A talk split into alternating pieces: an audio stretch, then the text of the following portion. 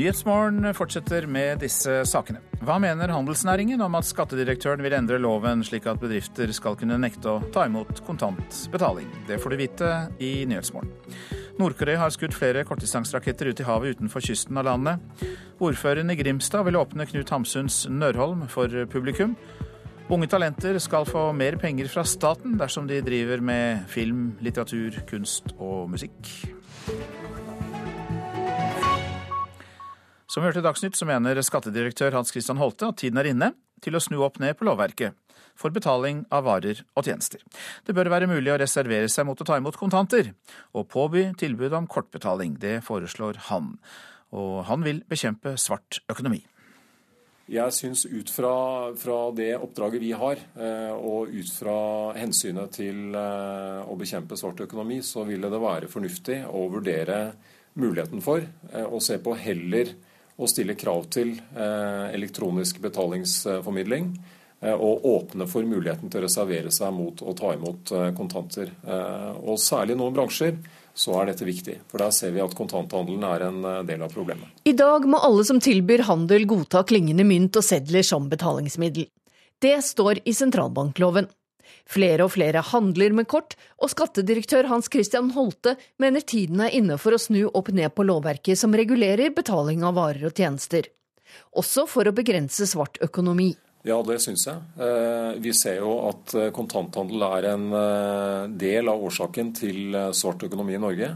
Og jeg synes ikke at den, de ordningene vi har i dag med å kreve eh, muligheten for eh, kontanthandel, men ikke gjøre tilsvarende for elektronisk betaling, er eh, fornuftig i den sammenheng. Og finansminister Siv Jensen sier til NRK at skattedirektøren reiser et viktig spørsmål. Nå vil hun gjennomgå regelverket. Jeg går gjennom det eksisterende regelverket, og basert selvfølgelig også på innspillet fra skattedirektøren. Jeg mener det er en, et konstruktivt innspill i, i dette spørsmålet. Hun sier at et heldigitalt samfunn også gjør oss mer sårbare, og at tiden ikke er inne for å forby kontanter. Det er også av hensyn til en viktig gruppe. Det ene er diskusjonen om hva som er effektive virkemidler i å bekjempe eh, svart økonomi, skatteunndragelser og den type ting. Da er det helt åpenbart enklere med elektroniske transaksjoner, for det er lettere å følge spor. Eh, men det er fortsatt sånn at den andelen av befolkningen som i størst grad bruker kontanter, det er de eldre. Å beskylde de for eh, skatteunndragelse og svart økonomi, det vil ikke jeg gjøre. Sånn at her må tiden få lov å virke med oss. Og da må vi gå litt langsommere frem når det gjelder eh, kontantbetaling, og raskere frem eh, for å bredde ut tilgjengeligheten av elektroniske betalingsformer. Likevel tror finansministeren at tiden jobber for skattedirektørens sak. Jeg ønsker velkommen den debatten skattedirektøren reiser. Jeg er enig i at eh, økt tilgjengelighet på eh, kortterminaler er positivt eh, for oss alle sammen. Som jeg går i hvert fall bare rundt med kort i lomma, bruker aldri kontanter. Det sa finansminister Siv Jensen, og reportere her var Hedvig Bjørgum og Johan Settem. Gunnar Larsen, god morgen til deg. God morgen.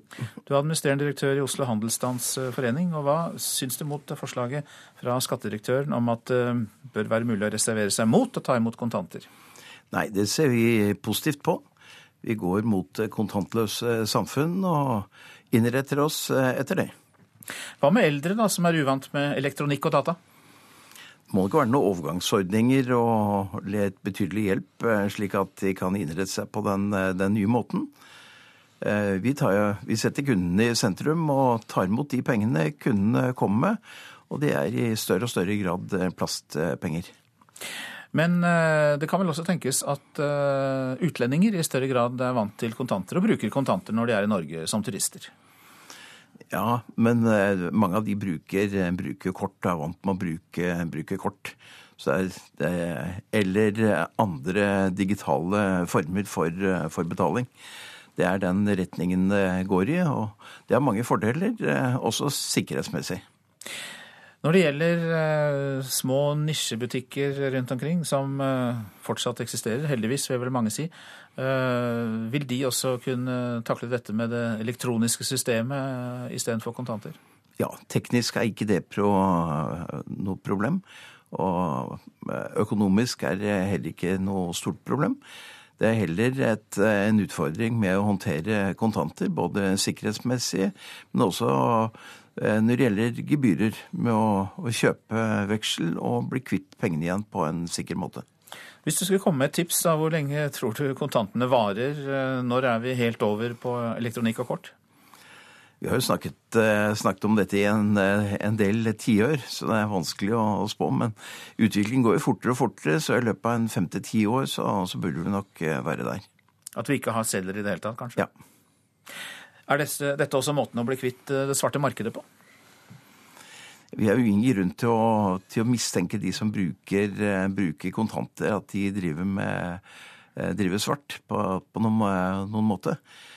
Eh, det, det, har nok en bieffekt. Det er, er, nok fortsatt litt svarte penger i sirkulasjon. Men det har ikke vi noe forhold til. Vi ser på det som vanlig betaling i våre butikker eller serveringssteder. Finansministeren hun fortalte oss at eh, hun går nå bare rundt med kort og ikke kontanter. Hvordan er det med administrerende direktør i Oslo Handelsstandsforening? Han bruker ikke mye, mye, kontanter. Det er fortsatt litt gammeldags da, å bruke litt småhandel med, med, kontanter. Er ikke som ungdommen som, eh, som kjøper en tyggis med, med, kortet. Eh, men mer og mer, mer og mer kortbruk. Og VIPS og andre løsninger. Mange takk skal du ha, Gunnar Larsen, som altså er eh, administrerende direktør i eh, Oslo Handelsstandsforening. Så er det det avisene er eh, opptatt av i dag. Oljeselskapene må sette i gang flere prosjekter nå, sier energianalytiker Jaran Rystad til Dagsavisen. Han advarer mot kuttene i bransjen. For når den igjen trenger ingeniører, har de fått gode jobber andre steder, og oljebransjen må igjen overby med lønninger som kan skape en kostnadsinflasjon.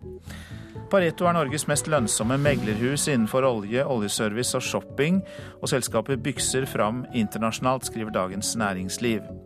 Hovedeier Svein Støle har en av landets største formuer, som bladet Kapital har beregnet til drøyt 10 milliarder kroner. Nærmere halvparten av landets ordførere sier klart nei til sammenslåing av kommuner, viser en undersøkelse Nasjonen har foretatt. Bare én av fire ordførere tror på sammenslåing. Kommunalminister Jan Tore Sanner utelukker ikke sammenslåing ved tvang. Europas arbeiderpartier opplever velgerflukt, er oppslaget i Aftenposten. De store moderate venstrepartiene har mistet en tredel av velgerne siden 1980-tallet. De har misforstått velgernes opprør, sier danske og britiske forskere til avisa. Den norske velferdsmodellen er truet av flyktningstrøm og oljekrise, sier økonomer og forskere til VG.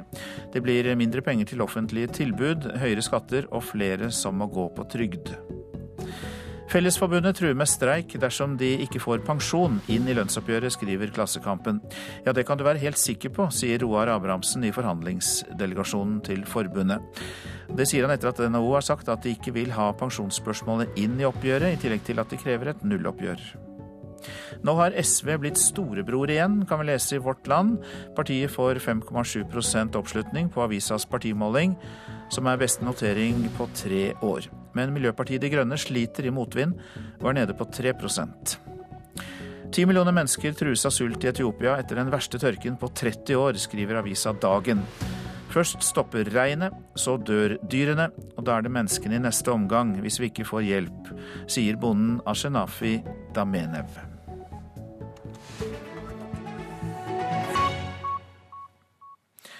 Nord-Korea skjøt flere prosjektiler eller kortdistanseraketter ut i Japanhavet natt til i dag. Og Ifølge Forsvarsdepartementet i Sør-Korea så er det uklart om eh, akkurat hva som ble skutt ut, om det var raketter eller artilleriild. Og dette skjer jo samtidig som FN vedtok å skjerpe sanksjonene mot eh, Nord-Korea. Asia-korrespondent Peter Svaar, hva mer vet du om det som har skjedd? Det at sørkoreanske regjeringskilder sier at de fortsatt jobber med å verifisere akkurat hva som ble skutt ut, det kan eh, som nevnt være snakk om eh, kortdistanseraketter, det kan være snakk om artilleri. Uansett er det jo ingen tvil om at denne oppskytingen er ment som et tydelig signal til omverdenen i dag om at regimet i nord ikke lar seg kue av de nye FN-sanksjonene som trådte i kraft nå ved midnatt. Kan du si litt mer om hvorfor disse sanksjonene kom? Ja, Det er jo som et svar på atomprøvesprengningen eh, i januar og senere på rakettoppskytingen eh, Nord-Korea gjorde i februar. Den siste hevder jo eh, Nord-Korea er del av landets romprogram, mens Vesten og nabolandene her i Asia mener dette er et rakettprogram for å utvikle eh, atomraketter. Og Både atomprøvesprengningen og rakettoppskytingen bryter med fem tidligere sikkerhetsrådsresolusjoner. og Derfor ble altså USA og Kina, eh, og etter en tenkepause også Russland, enige om disse nye sanksjonene nå denne uken. Men det finnes jo for så vidt eh, fire sett allerede med straffetiltak mot eh, diktaturet i Nord-Korea. Eh, hva mer kan man innføre straffetiltak mot? Ja, Det som virkelig ville rammet eh, regimet i Nord-Korea, var å begrense importen av olje og mat fra Kina og salget av kull og jernmalm til Kina. Den handelen utgjør nær 90 av Nord-Koreas totale utenlandshandel. Men eh, det å, å, kutte i den handelen gikk Kina ikke med på. De frykter en destabilisering av regimet i nord, og i verste fall en flyktningstrøm mot eh, Kinas grense. Men det man har blitt enige om, er at f.eks. flybensin blir forbudt å selge til Nord-Korea. Det kan sette landet landets flyselskap på bakken, og dermed også bremse den lukrative turiststrømmen. Og så er det et krav om at all last nå til og fra Nord-Korea må gå gjennom en særskilt inspeksjon eh, i avsenderlandet. Men i den kinesiske grensebyen Dandong i morges så har flere journalister tvitret bilder nå i morgentimen av kolonner med kinesiske lastebiler som fortsatt krysser inn til Nord-Korea med varer. Ja, Du nevner jo Kina her, som er helt sentral. Er det i hovedsak Kina Nord-Korea driver handel med? Ja, over 90% av eh, Nord-Koreas eh, handel skjer jo med Kina. Og Kina eh, balanserer på en stram line fordi kineserne er redde for tiltak som kan destabilisere nabolandet. Kina har en stor felles og ganske porøs grense med Nord-Korea.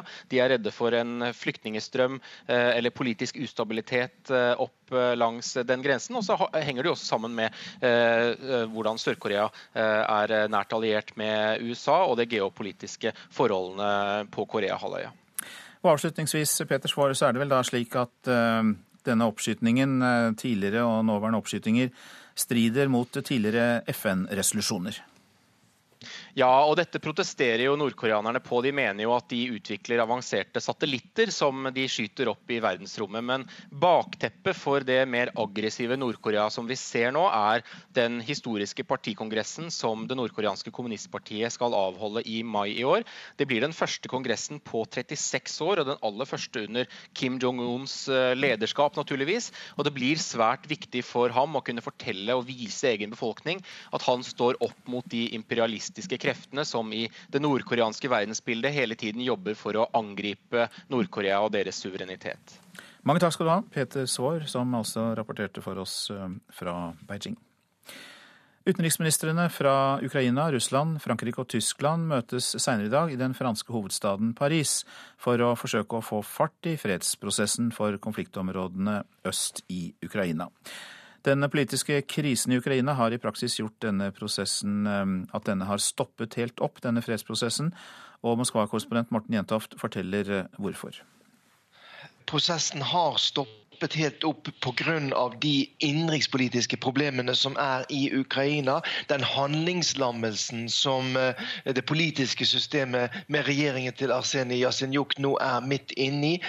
Ukraina skal jo etter planen eh, vedta en lov som skal gi indre selvstyre til Donbas-området øst i Ukraina. Dette er en del av denne såkalte Minsk-prosessen som man ble enige om for vel et år siden.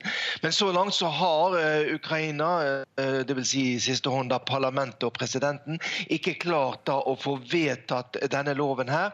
Og slik som det ser ut nå, med det politiske kaos som er i Ukraina, så er det ikke lett å se når det kan bli gjort også. Så eh, Temaet for dette møtet her, det blir jo da først og fremst å, se om hvilke muligheter fins for at Ukraina nå kan få vedtatt denne loven, slik at eh, prosessen kan komme i gang igjen. Men eh, er det dermed en eh, fare for at det kan bryte ut full krig igjen øst i Ukraina? Ja, det er klart at det er eh, virkelig en reell fare nå. Det er, eh, vi ser at eh, militæret på begge sider da ikke overholder de avtalene som er inngått om å holde tunge våpen under frontlinjen. Vi ser en økende antall episoder da med skyting, da ofte med tunge våpen, med drepte på begge sider. Og det er en reell fare for at kan du si, enkelte grupperinger da nå velger å ta saken mer i egne hender og sette i gang en militær offensiv for å se om det eventuelt kan få fart på eller få til en, en løsning på denne konflikten. Kan det også oppstå en eh, splittelse innad i EU når det gjelder eh, straffetiltak som er innført mot Russland pga. landets politikk overfor Ukraina? Ja, det kan det også gjøre. Vi ser jo at enkelte EU-land, uh, Ungarn bl.a., har sagt at disse sanksjonene de må uh, ikke automatisk forlenges. De må opp til diskusjon hele tiden, bl.a. til uh, sommeren. det viser at i en del land, f.eks. altså Ungarn, da også har det vært snakk om andre land. Tyskland har også vært inne i bildet her som kan du si, et land som ønsker ikke en automatisk forlengelse av disse sanksjonene det er en utålmodighet innad i EU også her nå. At uh, dette kan ikke fortsette på evig tid. Nå er man nødt til å komme tilbake til business as usual her. Uh, sånn at det er også en del av denne prosessen her. Klarer EU å holde fast ved sin enhetlige politikk overfor Russland her? Eller begynner man nå også der å bli utålmodig, bl.a. med hva Ukraina gjør for å oppfylle de kravene som er i denne Minsk-avtalen? Klokka er 6.49. Dette er hovedsaker i Nyhetsmorgen. Skattedirektøren vil endre loven slik at bedrifter skal kunne nekte å ta imot kontant betaling. Gunnar Larsen i Oslo Handelsstandsforening sa her i Nyhetsmorgen at han er enig med skattedirektøren, og at kontanter etter hvert forsvinner helt. Nord-Korea skjøt flere prosjektiler eller kortdistanseraketter ut i Japanhavet i natt. Episoden skjer samtidig som FN vedtok å skjerpe sanksjonene mot Nord-Korea. Situasjonen i flyktningleiren på grensene mellom Hellas og Makedonia begynner å bli desperat, ifølge Leger uten grenser. Det er 10 000 mennesker i leiren, som er bygget for bare 1500. Mer om det etter klokka sju. Tiril Eckhoff tror den lave snittalderen gir grunn for optimisme til eh, før dagens eh, første konkurranse under VM i skiskyting. Veteranen Ole Einar Bjørndalen er blant de som er utelatt fra stafettlaget. Et ungt lag kan være en fordel, sier Eckhoff. Jeg syns vi har et kjempebra team her, og vi bryr oss om hverandre. Så ja, jeg syns vi er et uh, veldig bra lag. Tiri Lekhoff mener det var viktig for henne å havne på lag med utøvere i samme alderssjikte. For å være helt ærlig så er det litt kult at jeg får lov til å gå med de som er like, like gamle som meg, eller like rundt min alder. Da. Jeg syns jo uh, det er veldig bra, for de er veldig, veldig gode uh, og veldig offensive. For på dagens norske lag i miksstafetten er snittalderen på i underkant av 25 år. Et lag uten 30 år gamle Emil Hegle Svendsen og 42-åringen Ole Einar Bjørndalen. Det eh, viktigste er at Norge stiller med det beste laget, og det gjør vi. Og jeg tror det laget har store sjanser. De er favoritter. Sier Bjørndalen om at han må se dagens VM-åpning fra sidelinjen. Og dermed har Eckhoff fått viljen sin når hun skal kjempe om gull med Marte Olsbu og brødrene Bø. Skal gjøre alt jeg kan for å ja, gjennomføre min etappe. Så gleder jeg meg veldig til å gå på lag med, med Marte og Bø-guttene, fordi de er veldig gode. Og hvis du blir med oss videre i Nyhetsmorgen, så kan du etter sju høre at vi går direkte til eh, Holmenkollen. Og selve sendingen, eh, den fra konkurransen, hører du 15.05 på NRK P1 i dag. Og reporter her var Mats Håby. I dag åpner verdens dyreste jernbanestasjon, intet mindre, i New York, på tomta der World Trade Centers tvillingtårn sto fram til terrorangrepet 11.9. 2001. Og det har tatt tolv år å bygge stasjonen, som skal hete World Trade Center Transportation Hub. Prisen ble 3,85 milliarder dollar, eller drøyt 33 milliarder kroner, etter dagens kurs, som altså er hittil høyeste pris for en jernbanestasjon. Nå skal eh, enda flere unge få nyte godt av Kulturdepartementets talentsatsing. Nå er det unge filmskapere, forfattere, billedkunstnere og pianister som skal få mulighet til å utvikle seg videre ved hjelp av Talent Norge. Til sammen skal det brukes mer enn 13 millioner kroner på de nye prosjektene. Det er eh, fantastiske satsinger med talentutvikling på et høyt nivå. Vi har fått med oss eh, ledende personer innenfor alle disse miljøene. Alle disse prosjektene svarer godt på det som er Talent Norge sitt eh, oppdrag, å finne av talentutviklingsprosjekter i Norge. Det sier en stolt Maria Mediås Jørstad, daglig leder for Talent Norge. Ett år etter at Talent Norge ble etablert, utvides nå aktiviteten med fire nye talentsatsinger. I Bergen startes et treårig mentorprogram for talentfulle pianoelever, mens Nordnorsk Kunstnersenter i Lofoten skal drive et lignende mentorprogram for unge billedkunstnere. NOLA, Senter for norsk litteratur i utlandet, etablerer et program for yngre forfattere, mens Mediefabrikken i Akershus og Filmveksthuset Tvibit i Tromsø skal hjelpe filmtalenter i overgangen mellom endt utdanning og yrkesliv. Det forteller Terje André Nymark, som er filmkonsulent hos Tvibit. Vi har jobba med rekruttering eh, og talentutvikling innenfor eh, film i Nord-Norge i i mange år. Og eh, når du skal ta steget fra den talentutviklingsbiten som vi gjør, og over i bransjen, så er det et lite gap der. Eh, bransjen og instituttene blir gjerne et hinder, spesielt for de som da er ferdig med utdannelsen og skal klare å etablere seg og så finne sin stemme som, som filmskaper. Og Der har det vært, et, det har vært et lite vakuum. Eh, og Talent Norge gir oss da mulighet til å ivareta akkurat disse talentene i en veldig sånn kritisk fase av sin utvikling. Hvert år skal tolv filmtalenter få hjelp på veien mot etablering gjennom en såkalt lab-modell. Laboratoriene blir lagt til Oslo, Trondheim, Kristiansand og Tromsø. Det forteller Anders Fristad Rudolf, som er daglig leder for Mediefabrikken i Akershus. I Filmlab Norge skal deltakerne søke seg inn med et uh, lengre prosjekt. Uh, spillefilm, dramaserie f.eks. Og så skal de gjennom fem utviklingslaboratorier utvikle og produsere en kortfilm. Og denne kortfilmen skal fungere som en døråpner for finansiering av lengre prosjekter. Talent Norge er Kulturdepartementets egen talentsatsing, etablert i fjor i samarbeid med Sparebankstiftelsen DNB og stiftelsen Kultiva. Satsingsområdene som lanseres i dag, har en prislapp på over 13 millioner kroner, der vel 8 millioner kroner er private bidrag. Sa reporter Rune Norgård Andreassen. Nørholm, Knut Hamsuns herregård i Grimstad, har i mange år vært stengt for publikum. Den er i privat eie. Men nå vil ordføreren prøve å få åpnet stedet. Men ikke alle i kommunestyret er enige i fremgangsmåten. I høst ble døra til Nørholm, dikterstova og gården til Knut Hamsun i Grimstad åpna på gløtt for NRK. Men helt siden 80-tallet har den vært stengt for publikum. Mandag bestemte Grimstad kommune at Nørholm blir fritatt for eiendomsskatt. Samtidig ble det foreslått at kommunen skal gjøre en innsats for å få åpna gården for publikum, i samband med markeringa av 200-årsjubileet til byen til sommeren. Ordfører Kjetil Glimsdal svarer at han tar oppfordringa. Jeg, jeg hadde vært eh, veldig glad hvis vi kunne ha fått åpna opp eh, Nørholm. For eh, Hamsun er jo en viktig del av Grimstads dikterhistorie. Hamsun sitt oldebarn, som har bodd på gården den siste tida, ønsker ikke å kommentere saken nå, da de ikke har hørt fra kommunen enda. Festivalsjef for Ibsen- og Hamsundagene, Torolf Kroglund, kjenner saka godt. Dette huset har jo sin eh, bestemte historikk.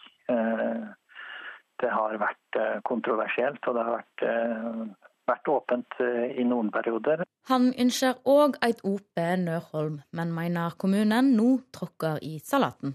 Helt siden altså, prosessen mot Hamsun, så har jo forholdet mellom Hamsun og stat-kommune ikke vært eh, det beste. Og så, så, så, kan det i alle fall oppfattes som eh, nokså arrogant. da. Den meninga deler Svein Harberg, leder for kulturkomiteen for Stortinget for Høyre og tidligere ordfører i Grimstad. Jeg tror ikke denne dialogen hører hjemme i eh, kommunestyret. Dette er en dialog som må gå i en god dialog med eierne der. Han har lenge jobba for å skaffe middel til Nørholm, og å finne en mulighet for å få åpne staden for publikum. Dette er en privat eiendom og må behandles med respekt i forhold til det. Men jeg tror det er mange her som er enige om at vi må prøve å bidra, slik at vi kan ta vare på historien. Til kritikken svarer ordføreren at han fikk et spontant spørsmål i kommunestyret mandag, og at han derfor svarte både kommunestyret og NRK. Han vil gå videre med saka i tida som kommer, og sier både Harberg og Kroglund vil bli kontakta i det arbeidet. Så vi får prøve om vi kanskje kan begynne med litt eh, blanke ark, i hvert fall, og forhåpentligvis finne en god løsning nå. Ordfører Grimstad, Kjetil Glimsdal. Reportere Miriam Grov og Maria Pile Svåsand. Så skal jeg si litt om eh, været fram til midnatt. Fjell i Sør-Norge. Utpå dagen eh, stiv sørøst kuling i nord. Det blir litt snø. Fra ettermiddag minkende nedbør. Østland og Telemark ser vi samlet, og det blir eh, sludd, snø eller regn nær kysten. Fra i formiddag minker nedbøren, og etter hvert blir det stort sett oppholdsvær. Først kommer det oppholdsvær i sørlige områder. Agder får litt snø av og til i dag. Sludd og regn nær kysten. Rogaland fra ettermiddag sørøst liten kuling på kysten. Det blir litt sludd og snø i Rogaland, til dels regn i lavlandet. Så går vi til Hordaland og Sogn og Fjordane. Litt sludd eller snø av og til, til dels regn i lavlandet, lite nedbør i ytre strøk. Møre og Romsdal får oppholdsvær. Fra ettermiddag kan det riktignok komme litt sludd eller snø, og til dels regn i lavlandet. Trøndelag sørøst liten kuling utsatte steder. Fra ettermiddag blir det stiv kuling på kysten i nord. Spredt snø i indre strøk, men ellers stort sett opphold i Trøndelag. Helgeland, Saltfjellet, Salten og Ofoten periodevis stiv sørvestlig kuling utsatte steder og stort sett opphold. Lofoten og Vesterålen periodevis liten sørøstlig kuling utsatte steder. I ettermiddag minkende vind. Det kan komme litt snø eller sludd av og til i vestlige områder, men ellers stort sett opphold. Troms eh, får i nord perioder med sørøstlig sterk kuling, oppholdsvær. Finnmark sørlig liten kuling, periodevis sterk kuling blir det i utsatte fjordstrøk. Og det blir oppholdsvær i Finnmark. Og så går vi til Nordensjøland på Spitsbergen. Liten sørøstlig kuling utsatte steder. Det kommer litt snø av og til. Temperaturer målt klokka fire. Svalbard har vi ikke fått inn, dessverre, men vi har Kirkenes med minus ni, Vardø minus fire, Alta minus fem, Tromsø-Langnes minus to, Bodø pluss én. Brønnøysund null, Trondheim-Værnes pluss én. Molde minus to, Bergen-Flesland null, Stavanger pluss én.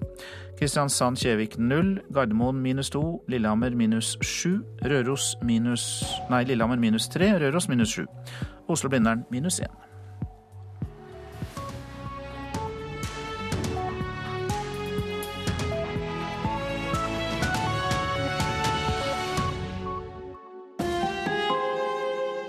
Hør ekko. Hellas har trukket svarteper. Først gjeldskrisen. Nå skal de huse kanskje hundretusener av flyktninger og migranter som strander bak piggtrådgjerdet som strekkes over Balkan. Hva gjør EU med det? Ekko 9 11 i NRK P2. Ubaydullah Hussein etterforskes for å ha rekruttert sju nordmenn til terrorgruppen IS. Og oljeanalytiker mener bransjen må godkjenne flere nye prosjekter. Her er NRK Dagsnytt ved Tone Nordahl klokka sju. Politiets sikkerhetstjeneste etterforsker sju saker der de har mistanke om at den kjente islamisten Ubaidullah Hussein har rekruttert nordmenn til terrorgruppen IS. Det får NRK opplyst. Avdelingsdirektør i PST Beate Gangås vil ikke si noe konkret om Husseins sak. Det jeg kan si er at Vi jobber for fullt i flere eh, saker parallelt. Eh, og vi er selvfølgelig svært opptatt av eh, å etterforske rekruttering. Det er av stor betydning for oss, fordi vi ønsker jo gjerne, som i kriminalitet eh, ellers, å ramme det miljøet som rekrutterer folk til uh, alvorlig straffbare handlinger. Hvis PST vil sikte Hussain for rekruttering av alle syv, må siktelsen trolig utvides. Hilde Vik Nikolaisen er Hussains forsvarer. Slik siktelsen står i dag, så er den eh, svært eh, generelt formulert. Ikke opp mot konkrete personer og ikke opp mot eh, konkrete handlinger. Og per i dag så vet han egentlig ganske lite om hva PST mener har skjedd i denne saken. Har han rekruttert disse personene til terrorgruppa IS? Han erkjenner ikke straffskyld for det. Reportere i dette innslaget var Kristine Svendsen og Olav Døvik. Oljebransjen driver med et livsfarlig slankeprosjekt, mener oljeanalytiker Jaran Rystad i Rysta Energy. Han ber derfor oljeselskapene om å godkjenne langt flere prosjekter, skriver Dagsavisen. Analytikeren advarer også mot å bygge ned leverandørindustrien. For når bransjen igjen trenger ingeniører, kan ingeniørene ha fått gode jobber andre steder, sier han. Rysta tror oljeprisen kommer til å stige til rundt 105 dollar fatet innen 2020. Nordkoreanske myndigheter skjøt flere prosjektiler ut i havet utenfor østkysten av landet i dag. Det opplyser det sørkoreanske forsvarsdepartementet. Departementet undersøker nå om det dreier seg om raketter eller artilleriild. Dette fant sted like etter at FNs sikkerhetsråd vedtok nye harde sanksjoner mot regimet i Pyongyang. Minst 50 000 mennesker er drept i løpet av to år med borgerkrig i Sør-Sudan. Det sier en høyt plassert tjenestemann i FN. 50 000 drepte, 2,2 millioner flyktninger og fordrevne, og fare for hungersnød i de kommende månedene, er beskrivelsen tjenestemannen gir til journalister.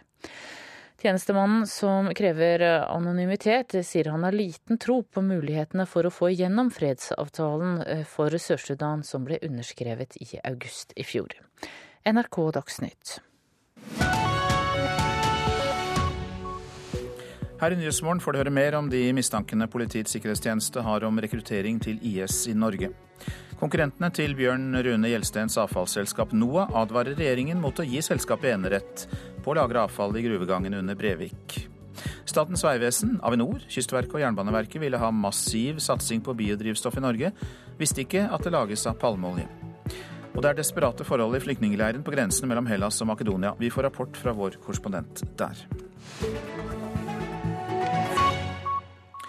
Ja, Politiets sikkerhetstjeneste etterforsker altså sju saker der de har mistanke om at islamisten Ubaydullah Hussein har rekruttert nordmenn til terrorgruppa IS. Det er NRK som får opplyst dette, og en av sakene som blir etterforsket, dreier seg om en ung konvertitt fra Fredrikstad. En IS-kriger fra Fredrikstad overværer en brytekamp på en sovesal i Syria. Torleif Sanchez Hammer vanka i belasta miljøer før han konverterte til islam i 2011, bytta navn til Abdul og ble ekstremist. Nå etterforsker PST om Ubaydullah Hussain var involvert i Hammers reise til Syria. Nå skal jeg ta en liten opptak til deg, mamma skal jeg vise deg litt i nabolaget hvor jeg bor nå. De ser også på om den tidligere rusmisbrukeren Tom Alexander Karlsen og om den vanekriminelle Kim André Ryding ble rekruttert til IS av Hussain. I tillegg blir fire andre saker etterforska, etter det NRK får opplyst. PST mener at Hussain har et mønster der han sikter seg inn på sårbare og utsatte personer. Beate Gangås leder PSTs etterforskningsavdeling, og vil ikke si noe konkret om Hussains sak. Det jeg kan si er at Vi jobber for fullt i flere eh, saker parallelt. Eh, og vi er selvfølgelig svært opptatt av eh, å etterforske rekruttering. Det er av stor betydning for oss, fordi vi ønsker jo gjerne, som i kriminalitet ellers, å ramme det miljøet som rekrutterer folk til alvorlig straffbare handlinger. Minst 90 nordmenn har reist til Syria for å bli fremmedkrigere, men det var først i sommer at PST sikta talsmannen i Profetens Umma for å ha rekruttert flere til terrorgruppa IS. Hvis PST vil sikte Hussain for rekruttering av alle syv, må siktelsen trolig utvides. Hilde Vik Nikolaisen er Hussains forsvarer. Slik siktelsen står i dag, så er den eh, svært eh, generelt formulert. Ikke opp mot konkrete personer og ikke opp mot eh, konkrete handlinger. Og per i dag så vet han egentlig ganske lite om hva PST mener har skjedd i denne saken. Har han rekruttert disse personene til eh, terrorgruppa IS? Han erkjenner ikke straffskyld for det. Hussain har vært i varetekt siden desember. I dag skal Oslo tingrett avgjøre om han skal fengsles på ny. Reportere Kristine Svendsen og eh, Olav Døvik. Konkurrenter i avfallsbransjen advarer regjeringen mot å gi Bjørn Rune Gjelstens selskap NOAH enerett på gruvegangene i Brevik. Adgang til å lagre giftig avfall i gruvene er verdt over 10 milliarder kroner hvis politikerne sier ja til NOAs planer, og en slik enerett som NOA ønsker seg, vil være en gavepakke. Det sier andre i bransjen, som også vil ha tilgang. Og, og, så blandes flyvasken i det vannet til en slurry, og så pumpes det sammen med syren. Det handler om giftig aske fra forbrenningsanlegg. Sjef hos NOAH på Langøya, Carl Hartmann, viser oss rundt på det nasjonale anlegget for farlig uorganisk avfall, som Bjørn Rune Gjelsten kjøpte av staten i 2004. Øya er snart full. Nå vil NOAH fylle gruvegangene i Brevik med avfallet. Men det vil være en gavepakke til Gjelsten, advarer andre i bransjen. Vi eh, mener det at eh, hvis det er slik at staten nå går konkret inn og legger til rette for et eh, et konkret privat selskap, så mener vi det at det er veldig konkurransehemmende. Sier Paul Smiths, administrerende direktør i det kommunale selskapet Lindum. For det syns jeg ikke ikke rimer helt med hvordan man opptrer ellers. Staten burde jo sikre seg liksom det, det, inntektspotensialet som ligger i disse gruvene, og så la da noen uh, virksomheter konkurrere om det og få til en god avtale. Det er staten som eier mesteparten av gruvegangene som NOAH og det globale konsernet Heidelberg Sement vil ha tilgang til. Klima- og miljøminister Vidar Helgesen fra Høyre skal snart ta stilling i saken. At vi gjør vår del av uh en internasjonal innsats for avfallshåndtering, det er veldig viktig. Eh, det snakkes om verdier for han, eller inntektsmuligheter for 10-20 milliarder kroner med de planene som foreligger. Hvorfor skal du som Høyre-statsråd gi en gavepakke til ett selskap som dette kan bli? Det er jo et privat selskap som i dag eh, driver avfallshåndtering. Og den løsningen som eh, velges, vil forestås av en privat aktør. Eh, så du vil avvise at dette vil eh, være å betrakte som en gavepakke til Bjørn Rune Gjelsten? Ja, vi eh, driver ikke her med gavepakker til den ene eller den andre. Dette er et dypt alvorlig spørsmål om hvordan vi nasjonalt skal sikre håndtering av giftig og farlig avfall. Leder i energikomiteen på Stortinget, Ola Elvestuen fra Venstre, ber regjeringen være forsiktige med å gi bort en gullgruve. Staten må passe på at det her sånn gir det ikke bort, rent bokstavelig, bare en gullgruve, og gjør den samme feilen som man gjorde i 2003 på Langøya, hvor man solgte, og så tillater man å fylle opp Langøya med andre eh, masser Tilgangen til gruvene har aldri vært på anbud, og nå kan NOAH få enerett. De har ligget der i ganske mange år, hvorfor har ikke andre kommet oss i forkjøpet? Men hvis dere nå får et tilgang til 25 mil med gruver, staten eier jo mye av disse gruvene, vil ikke dere da få en konkurransefordel fremfor eventuelle konkurrenter? Jo, det, altså vi, vi har befestet vår posisjon for mange år fremover, det er riktig. Det sa Carl Hartmann i NOA. Reportere her Line Tomter og Veronica Westrin. Statens vegvesen, Avinor, Kystverket og Jernbaneverket vil ha en gigantisk satsing på biodrivstoff for å kutte norske klimagassutslipp. Innen 2030 så vil de tidoble bruken av biodrivstoff i Norge. Men eh, det ingen av disse transportetatene har ant tidligere, er at biodrivstoff eh, som er tilgjengelig nå, er basert på palmeolje. Biodrivstoff vil hjelpe oss å nå klimanøytralitet i løpet av de neste 35 år. En stor satsing på null- og lavutslippskjøretøy og på bærekraftig biodrivstoff. Avinor-sjef Dag Falk Petersen og jernbanedirektør Elisabeth Enger fortalte mandag politikerne som skal lage Nasjonal transportplan, at Norge kan halvere utslippene fra transport ved en gigantisk satsing på biodrivstoff. Vegvesenet, Kystverket, Jernbaneverket og Avinor ser for seg en tidobling av biodrivstoff. Men hele planen hviler på en usannhet. For i rapporten står det at biodrivstoff som selges på det norske markedet i dag, må oppfylle bærekraftkriteriene. Det er ikke sant. Eh, at det hva ikke er sant? Det stemmer ikke at biodrivstoffet på det norske markedet må oppfylle bærekraftkriteriene i fornybardirektivet. Eh, jeg forstår faktisk ikke spørsmålet nå. Som NRK har vist de siste dagene, slipper palmeoljeprodukter helt unna slike krav, og dominerer i dag markedet. Noe som var nytt for veidirektør Terje Moe Gustavsen. Nei vel, altså Vi sier at skal man fase inn biodrivstoff i den skala vi foreslår, så er en forutsetning at det må være basert på bærekraftig biodrivstoff. Fungerende kystdirektør Arve Dimmen svarer slik. Hvordan klinger det i dine ører? Nei, jeg kjenner ikke til, til det. Naturvernforbundets leder Lars Haltbrekken er ikke imponert over kunnskapsnivået til etatsdirektørene. Ja, Det er helt utrolig. Eh, og det viser jo at målene om halvering av eh, klimagassutslippene overhodet ikke holder i eh, dette. Man baserer seg da faktisk på bruk av et svært skadelig biodrivstoff. Transportetatene peker på norsk trevirke som kilde til all den biodieselen de vil lage. Og Erik Landstein i Norges Skogeierforbund står klar. Av, disse, av denne tidoblingen, hvor mye vil du bare anta at dere kanskje potensielt kunne tatt? Det er veldig vanskelig eh, å, å, anslå helt nøyaktig, men at vi kan levere ja, i størrelsesorden en tredjedel, halvparten, kanskje noe mer av det totale drivstoffbehovet som beskrives av transportetaten her, det er kanskje mulig. Men å hogge mer norsk skog er en særdeles dårlig idé, hevder Lars Haltbrekken. Det er ikke mulig på en miljømessig forsvarlig måte å produsere nok biodrivstoff fra norske skoger til den eh, trafikken vi har i dag, eller den trafikkveksten som det legges opp til både på veiene og i lufta. Arbeiderpartiet har selv vedtatt massiv satsing på biodrivstoff. Men det var før stortingsrepresentant Eirik Sivertsen ble klar over at biodrivstoffet vi kjører på, lages av palmeolje.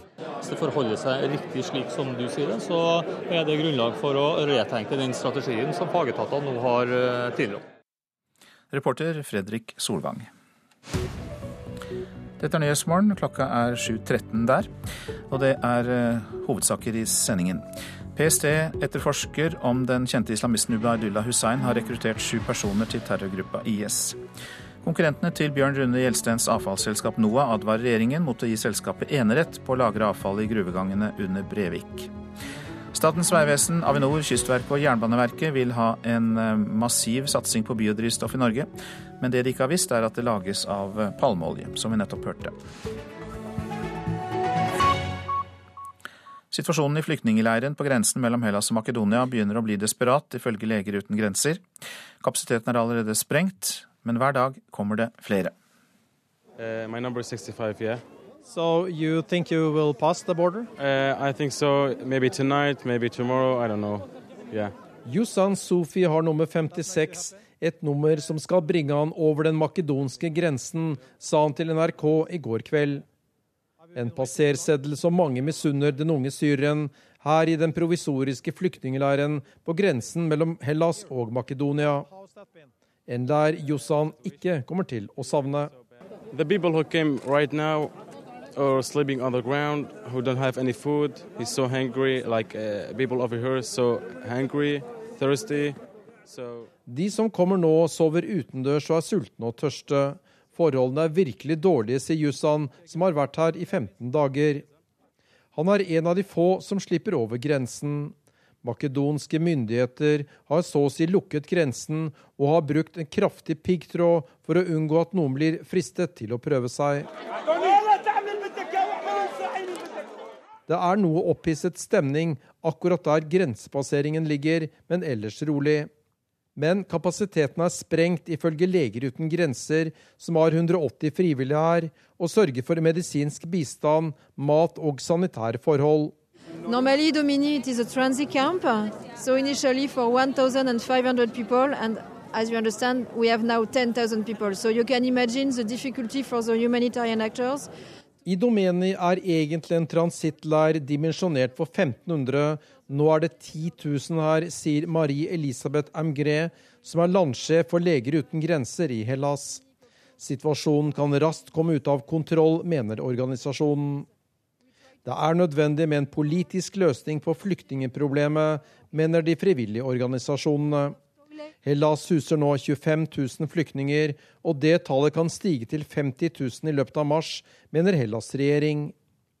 De syriske og irakiske flyktningene på grensen mellom Hellas og Makedonia skjønner ikke hvorfor det ikke skjer noe. Many people dying uh, in, uh, in the sea, and they arrive here, and suddenly we tell them the border is closed without any explanation. So, yes, they don't know what happened, they are desperate. Mange har mistet livet på sjøen på vei til Hellas. De som kommer hit får beskjed om at grensen er stengt uten noen forklaring.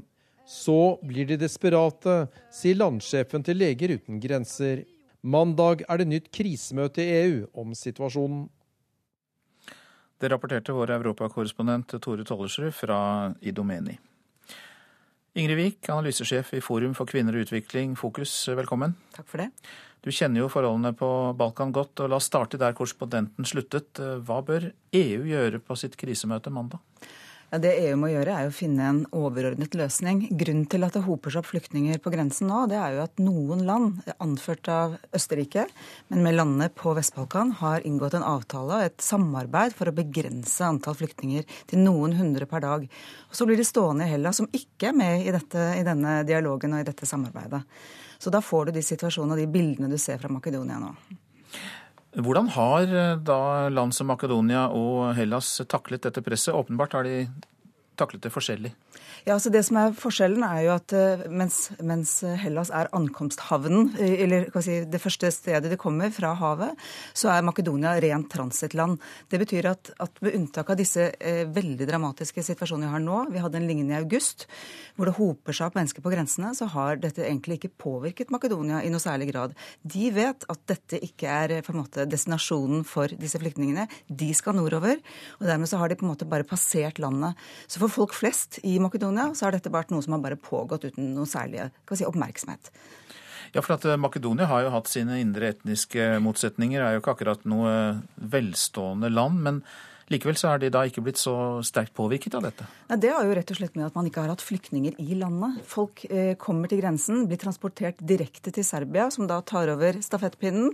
Og, og sånn har det vært stort sett fremover, med unntak av noen sånne si, Når det blir noen sånne stoppunkter som nå, da, da, hoper det seg opp. Men det skal ikke så veldig mye til før dette kommer litt ut av kontroll. Og nå ser du med 10 000 mennesker på, og stadig økende antall mennesker på, på grensene, så har ikke makedonske myndigheter og si, grensekontrollapparat til å håndtere dette. Hvilke land på Balkan er det da som er mest utsatt eh, dersom flyktningene strander?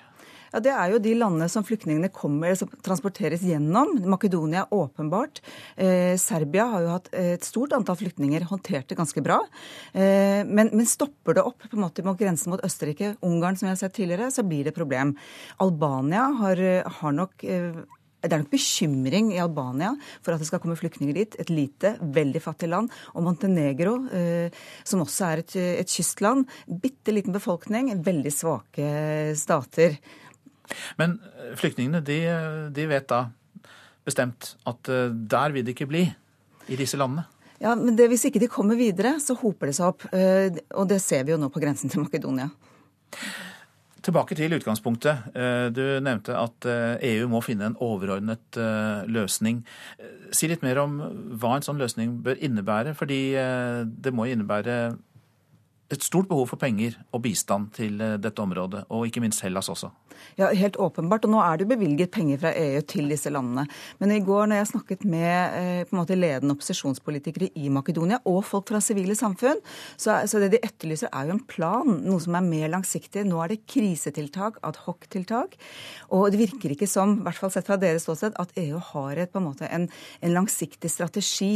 Og da vil jo dette bare fortsette. fordi at si, strømmen av flyktninger er endeløs. Takk skal du ha, Ingrid Wiik, som er analysesjef i Forum for eh, kvinner og utvikling, eh, Fokus. Så har vi en melding her om at medarbeideren som satte opp Hillary Clintons private e-postserver, har fått immunitet mot straffeforfølgelse. Det skriver Washington Post. Brian Pagliano jobbet for Clintons presidentvalgkamp i 2008. Året etter satte han opp en privat e-postserver hjemme hos Clinton i New York.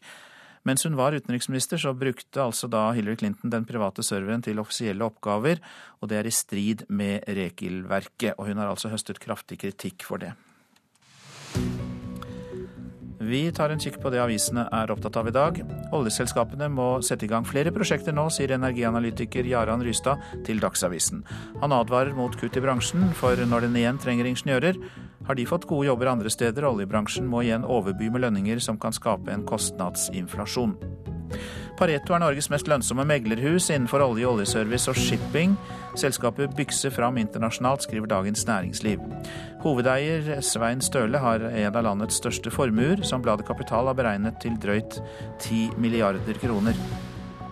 Nærmere halvparten av landets ordførere sier klart nei til en sammenslåing av kommuner, viser en undersøkelse Nasjonen har foretatt. Bare én av fire ordførere tror på sammenslåing. Kommunalminister Jan Tore Sanner utelukker ikke sammenslåing med tvang. Europas Arbeiderpartier opplever velgerflukt, er oppslaget i Aftenposten. De store moderate venstrepartiene har mistet en tredel av velgerne siden 1980-tallet. De har misforstått velgernes opprør, sier danske og britiske forskere til avisa. Den norske velferdsmodellen er truet av flyktningstrøm og oljekrise, sier økonomer og forskere til VG. Det blir mindre penger til offentlige tilbud, høyere skatter og flere som må gå på trygd.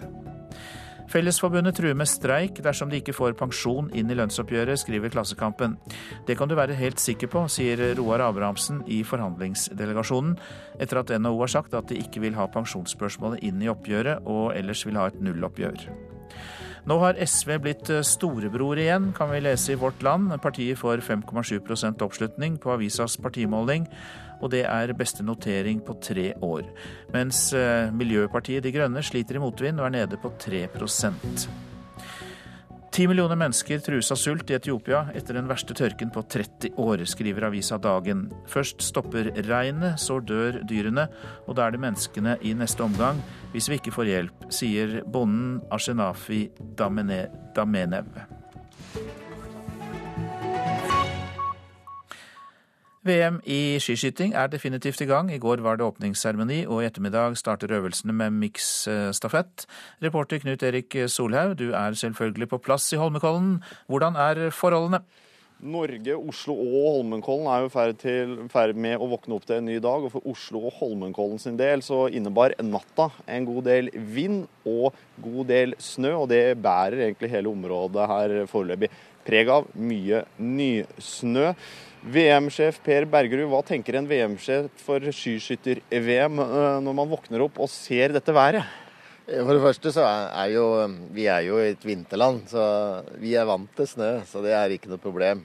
Men det blir jo litt ekstra jobb for mannsknappene våre og de frivillige, og, ikke minst for Oslo kommune, som eh, brøyter alle veier osv. Så, videre. så Så ekstra jobb i dag eh, blir det, men vi skal være klare når konkurransene starter. Vi står og skuer utover eh, arenaen her, og er, er, allerede de frivillige i gang med mm, jobben. Hvor avhengig er, er, dere av de frivillige? Ja, Uten dem hadde det ikke blitt noe VM. Eh, med, vi har jo nesten 1400 frivillige, og, og, de gjør en fantastisk jobb. Og Som du ser her, så er de allerede ute på arenaen og forbereder til eh, treningene før, før konkurransen i dag. Åpningsseremoni i eh, går. I dag starter det alvoret. Er alt nå under kontroll? Ja, så langt jeg kan se, så har vi veldig bra kontroll. Eh, som jeg sa, litt ekstra jobb i dag med å gjøre klar arenaen og, og, tribuner og alt til publikum og utøvere kommer. Men uh, det har vi god tid til, i og med at uh, konkurransen starter halv fire. Så ellers så, uh, Og vi hadde en veldig god start med åpningsseremonien som sagt i går. Så, så vi føler vi har veldig bra kontroll. Det er ganske bra kraft i noen av de vindkassa som kommer her. Er det snakk om å kunne avlyse her, eller? Nei, altså vind er jo eh, ikke noe Altså det skal veldig mye til. Men eh, det blåser vel en 8-9 sekundmeter nå på morgenkvisten. Men det skal løye utover dagen, eh, ifølge værmeldingen. Så, så, jeg kan ikke se noen grunn til at det skulle være snakk om det i dag. Jeg har fått avklart det. Blir det noen folk her, da? Ja, du, det blir I dag så skal, så skal, det bli et sted mellom 12 og 15 000. Og totalt har vi jo nå passert 115 000 billetter, så her blir det mye folk hver dag. Til slutt, eh, VM-sjef Per Bergerud, hva er liksom drømmescenarioet for deg nå, både værmessig og medaljesanking osv.? Værmessig er jo at det, det været roer seg, og at uh, vi får uh, opphold og klarvær etter hvert. Uh, slik at vi også kan vise fram arenaen i gjerne litt sol. Det, det, setter jo alltid en liten ekstra spiss på konkurransene. Når det gjelder norske resultater, så er jo mitt drømmescenario gull på Mikstaffen i dag og gull til Bjørndalen på sprint på lørdag. Da, da bedre oppkjøring kan vi ikke få. Vi får se klokken halv fire i dag hvilken, eh, hvor Norge havner til slutt i miksstafetten. Og takk skal du ha, Knut Erik Solhaug, reporter på, i Holmenkollen. Vi holder oss til idrettens verden, eh, nå om Viking fotballklubb, som plukker ut spillere helt ned i 8-9-årsalderen til egne utviklingsgrupper i håp om å avle frem A-lagsspillere. Men det reagerer andre i fotballmiljøet på. Vi er på trening med Jonas Kristoffer Salskjelsvik Myhre på gamle Viking stadion. Veldig gøy. Jonas er utvalgt til å spille på utviklingsgruppen til Viking, der de beste spillerne trener sammen. Han er ni år. Viking er en bredde- og toppklubb og har planer om å utvikle egne A-lagsspillere. Det gjør de ved å etablere utviklingsgrupper det året barna i klubben fyller ni år. Når de er i ni år, så er de det man kaller for den motoriske gullalderen. Eh, og når vi vet som eh, toppklubb at eh, den motoriske gullalderen er helt avgjørende for hvordan du presterer i motoriske idretter i, i seinere år, så er det viktig for oss å legge inn høy kompetanse, riktig metodikk og riktig treningsmengde og riktige type treninger på riktig aldersnivå sier elitetrener og trenerkoordinator for barne- og ungdomsavdelingen i Viking, Mats Ullereng. Han sier at dette er differensiering, ikke topping av unge spillere. Eh, og så er jo det Topping vil jo si at du plukker ut ti stykker, og så vil det aldri være noe bevegelse imellom. Eh, sånn gjør vi det ikke. Det er masse bevegelse imellom. Flere er kritiske til at spillere helt ned i 89-årsalderen skal toppes. Nei, altså jeg forstår jo hvorfor de gjør det. Eh, og så kan vi jo være uenige om det er eh, om de vil eh, lykkes med å hente stjernene når de er åtte-ni år, for å sette det litt på spissen. Sier leder Arne Thorsen Eie i Stavanger idrettsråd. Han mener det står respekt av at klubben er åpen om utviklingsarbeidet sitt, men er usikker på om dette er rette veien å gå. Eh, men det er liksom hvor mange tråkker de ned i forhold til å finne, finne disse. Å velge ut spillere som skal bli med i gruppen, kan være utfordrende. For det vil alltid være noen som er akkurat i grenseland for å komme med, eh, eller akkurat i grenseland for å ikke komme med. Eh, og det er jo der på en måte følelsene ligger og lurer. Eh, og det er vanskelig. Eh, og det er veldig viktig at vi er bevisste på måten vi gjør det på. Og det er veldig viktig at vi er bevisste på å være ærlig. Daglig leder Øyvind Jacobsen i den lokale fotballklubben Brodd ønsker ikke å sende egne spillere på prøvespill hos Viking. Jeg syns det er uheldig at uh, spillere fra lokale klubber i 8-9-årsalderen skal på prøvespill i Viking. Men jeg tror nok at Viking heller bør samarbeide med klubbene ute hos eh, klubbene, framfor å invitere ambisiøse foreldre med å sende pjokken opp til Viking. Viking er klar på at de ikke skal hente spillere fra andre klubber. Vi er ikke aktivt ute og plukker og henter niåringer, eh, men jo eldre de blir, så er det muligheter for å bli med. Toppklubben mener det er nødvendig å starte allerede i 89-årsalderen. I utgangspunktet så er det per definisjon umulig i motoriske idretter å, å kunne nå toppnivå hvis du begynner etter den motoriske gullalderen. Jonas er ferdig med dagens oppvarming på stadion. Trener hver dag. Så mange timer hver dag. Han trener fem ganger i uken for én dag å oppnå drømmen sin. Bli verdens beste. Og reportasjen var laget av Ingvild Lygren. Ja, du lytter til Nyhetsmorgen. Produsent i dag Ulf Tannes Fjell. Her i studio Øystein Heggen. Taklingen av flyktningkrisen er tema når eh, nåværende og eh, tidligere utenriksminister møtes i Politisk kvarter, dvs. Si Børge Brende og Jonas Gahr Støre.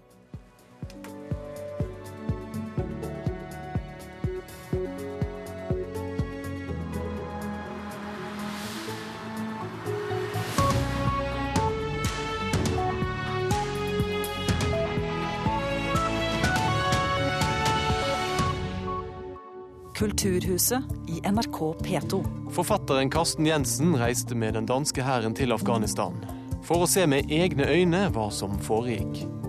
Hva han så der, forteller han om i Kulturhuset i dag klokken 13 på NRK P2.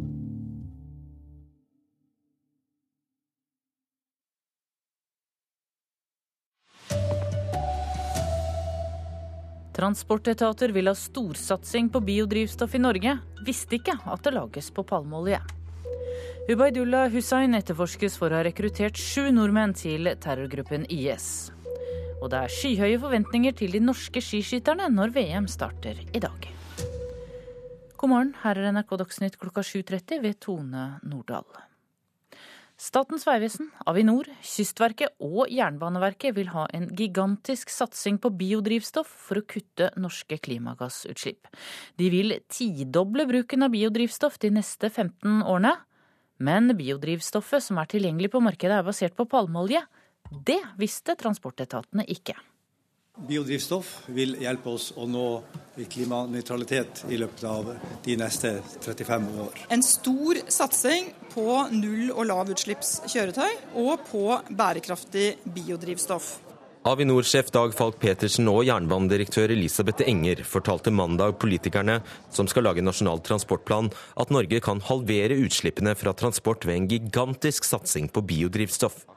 Vegvesenet, Kystverket, Jernbaneverket og Avinor ser for seg en tidobling av biodrivstoff. Men hele planen hviler på en usannhet. For i rapporten står det at biodrivstoff som selges på det norske markedet i dag, må oppfylle bærekraftkriteriene. Det er ikke sant. Eh, at det bare ikke er sant? Det stemmer ikke at biodrivstoffet på det norske markedet må oppfylle bærekraftkriteriene i fornybardirektivet. Eh, jeg forstår faktisk ikke spørsmålet nå. Som NRK har vist de siste dagene, slipper palmeoljeprodukter helt unna slike krav, og dominerer i dag markedet. Noe som var nytt for veidirektør Terje Moe Gustavsen. Nei vel, altså vi sier at skal man fase inn biodrivstoff i den skala vi foreslår, så er en forutsetning at det må være basert på bærekraftig biodrivstoff. Fungerende kystdirektør Arve Dimmen svarer slik. Hvordan klinger det i dine ører? Nei, jeg kjenner ikke til, til det. Så. Naturvernforbundets leder Lars Haltbrekken er ikke imponert over kunnskapsnivået til etatsdirektørene. Ja, Det er helt utrolig. Eh, og det viser jo at målene om halvering av eh, klimagassutslippene overhodet ikke holder i eh, dette. her. Man baserer seg da faktisk på bruk av et svært skadelig biodrivstoff. Reporter i dette innslaget var Fredrik Solvang. Politiets sikkerhetstjeneste etterforsker sju saker der de har mistanke om at den kjente islamisten Ubaidullah Hussain har rekruttert nordmenn til terrorgruppen IS. Det får NRK opplyst. En av sakene som blir etterforsket, handler om en ung mann fra Fredrikstad. En IS-kriger fra Fredrikstad overværer en brytekamp på en sovesal i Syria. Torleif Sanchez Hammer vanka i belasta miljøer før han konverterte til islam i 2011, bytta navn til Abdul og ble ekstremist. Nå etterforsker PST om Ubaydullah Hussain var involvert i Hammers reise til Syria. Nå skal jeg ta en liten opptak til deg, mamma. Skal jeg vise deg litt i nabolaget hvor jeg bor nå. De ser også på om den tidligere rusmisbrukeren Tom Alexander Karlsen og om den vanekriminelle Kim André Ryding ble rekruttert til IS av Hussain. I tillegg blir fire andre saker etterforska, etter det NRK får opplyst. PST mener at Hussain har et mønster der han sikter seg inn på sårbare og utsatte personer. Beate Gangås leder PSTs etterforskningsavdeling og vil ikke si noe konkret om Husseins sak. Det jeg kan si er at Vi jobber for fullt i flere eh, saker parallelt. Eh, og vi er selvfølgelig svært opptatt av eh, å etterforske rekruttering. Hvis PST vil sikte Hussain for rekruttering av alle syv, må siktelsen trolig utvides. Hilde Vik Nikolaisen er Hussains forsvarer. Slik siktelsen står i dag, så er den svært generelt formulert. Ikke opp mot konkrete personer og ikke opp mot konkrete handlinger. Har han rekruttert disse personene til terrorgruppa IS? Han erkjenner ikke straffskyld for det. Reportere her var Kristine Svendsen og Olav Døvik. Skattedirektør Hans Christian Holte vil endre loven for betaling av varer og tjenester. I dag kan du kreve å få betale med kontanter, men nå vil skattedirektøren at ingen skal kunne nekte deg å betale med kort. Jeg syns det er naturlig å, å, gjøre vurderinger av dette, ja. Det syns jeg. Det er, en, det er kanskje en, en noe uheldig virkning av slik dette er innrettet i dag. I hvert fall hvis vi ser på enkelte bransjer. I dag må alle som tilbyr handel godta klingende mynt og sedler som betalingsmiddel. Det står i sentralbankloven. Flere og flere handler med kort, og skattedirektør Hans Christian Holte mener tiden er inne for å snu opp ned på lovverket som regulerer betaling av varer og tjenester også for å begrense svart økonomi. Ja, det syns jeg. Vi ser jo at kontanthandel er en del av årsaken til svart økonomi i Norge. Og jeg synes ikke at den, de ordningene vi har i dag med å kreve eh, muligheten for kontanthandel, men ikke gjøre tilsvarende for elektronisk betaling, er eh, fornuftig i den sammenheng. Og finansminister Siv Jensen sier til NRK at skattedirektøren reiser et viktig spørsmål. Jeg ønsker velkommen den debatten skattedirektøren reiser. Jeg er enig i at økt tilgjengelighet på kortterminaler er positivt for oss alle sammen. Nå vil hun gjennomgå regelverket. Men det er fortsatt sånn at den andelen av befolkningen som i størst grad bruker kontanter, det er de eldre. Sånn at her må tiden få lov å virke med oss. Og da må vi gå litt langsommere frem når det gjelder kontantbetaling, og raskere frem for å bredde ut tilgjengeligheten av elektroniske betalingsformer. Reportere her Hedvig Bergum og Johan Settem. Nord-Korea skjøt flere prosjektiler ut i Japanhavet i natt. Forsvarsdepartementet i Sør-Korea jobber nå for å finne ut om det var raketter som ble skutt, eller artilleriild. Samtidig eh, så har FN vedtatt å skjerpe sanksjonene mot Nord-Korea. Det at sørkoreanske regjeringskilder sier at de fortsatt jobber med å verifisere akkurat hva som ble skutt ut, det kan eh, som nevnt være snakk om eh, kortdistanseraketter, det kan være snakk om artilleri. Uansett er det jo ingen tvil om at denne oppskytingen er ment som et tydelig signal til omverdenen i dag om at regimet i nord ikke lar seg kue av de nye FN-sanksjonene som trådte i kraft over midnatt. Kan du si litt mer om hvorfor disse sanksjonene kom? Ja, Det er jo som et svar på atomprøvesprengningen i januar og senere på rakettoppskytingen eh, Nord-Korea gjorde i februar. Den siste hevder jo eh, Nord-Korea er del av landets romprogram, mens Vesten og nabolandene her i Asia mener dette er et rakettprogram for å utvikle eh, atomraketter. Bakteppet for det mer aggressive Nord-Korea som vi ser nå, er den historiske partikongressen som det nordkoreanske kommunistpartiet skal avholde i mai i år. Det blir den første kongressen på 36 år. og den aller aller første under Kim Jong-uns eh, lederskap, naturligvis. Og det blir svært viktig for ham å kunne fortelle og vise egen befolkning at han står opp mot de imperialistiske kreftene som i det nordkoreanske verdensbildet hele tiden jobber for å angripe Nord-Korea og deres suverenitet. Asia-korrespondent Peter Svaar til Øystein Heggen. Flere danske imamer sier i en TV-dokumentar at gifte kvinner skal adlyde sine ektemenn, og at de ikke har lov til å nekte dem sex. I programmet Moskeer bak sløret har dansk TV 2 brukt skjult kamera til å ta opp imamenes råd til en journalist som sier hun har problemer i ekteskapet. En imam sier at ektesenga er et sted der gifte kvinner har plikt til å adlyde. En annen sier at det er synd for en gift kvinne å avvise mannen. En talsmann for en av moskeene sier medarbeiderne der føler at deres rettigheter er krenket fordi det er brukt skjult kamera. Tarjei Bø vil bruke hjemmepublikummet som en fordel i kampen mot de utenlandske konkurrentene når VM i skiskyting starter i dag. Godt over 100 000 billetter er solgt, og forventningene er skyhøye til de norske utøverne før mesterskapet på hjemmebane. Ja, jeg liker litt sånn uh, trøkket, da. Klart, Jeg kjenner jo på det en gang når jeg eh, skal inn og skyte, men ofte prøver jeg å bruke det til min fordel. da. I dag åpner VM med miksstafett, og med et norsk lag der samtlige går sitt første mesterskap på hjemmebane. Åh, det blir veldig spennende. Jeg må prøve å senke skuldrene litt og tenke at dette er først og fremst bare veldig gøy og veldig stas at jeg får muligheten til å åpne alt det her i Kollen sier Marte Olsbu, som skal ut og gå første etappe foran et kravstort hjemmepublikum.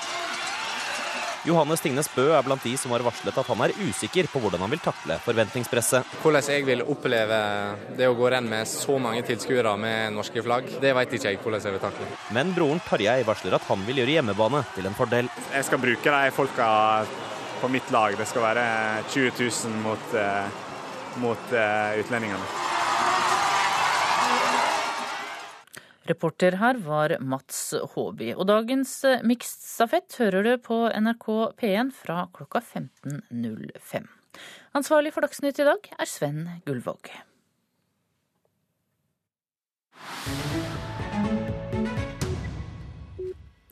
Du lytter til eh, Nyhetsmorgen.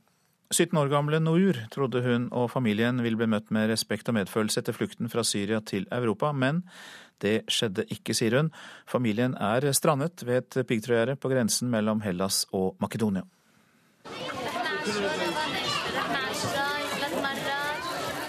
Inne i et stort telt bor flere syriske familier, nærmest som sild i tønne.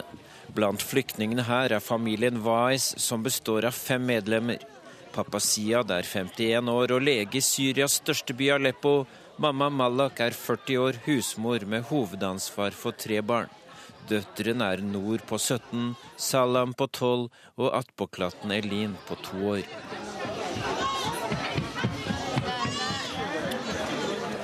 Familien bor på noen få kvadratmeter. Deres eget område består av to par køyesenger. Frykten for å bli drept gjorde at familien la ut på den strabasiøse ferden til Tyrkia og deretter over havet til Hellas. Nå er de møtt av piggtrådgjerde og soldater. Datteren Nord er tankefull. Det er ikke dette Europa hun trodde familien på flukt ville møte.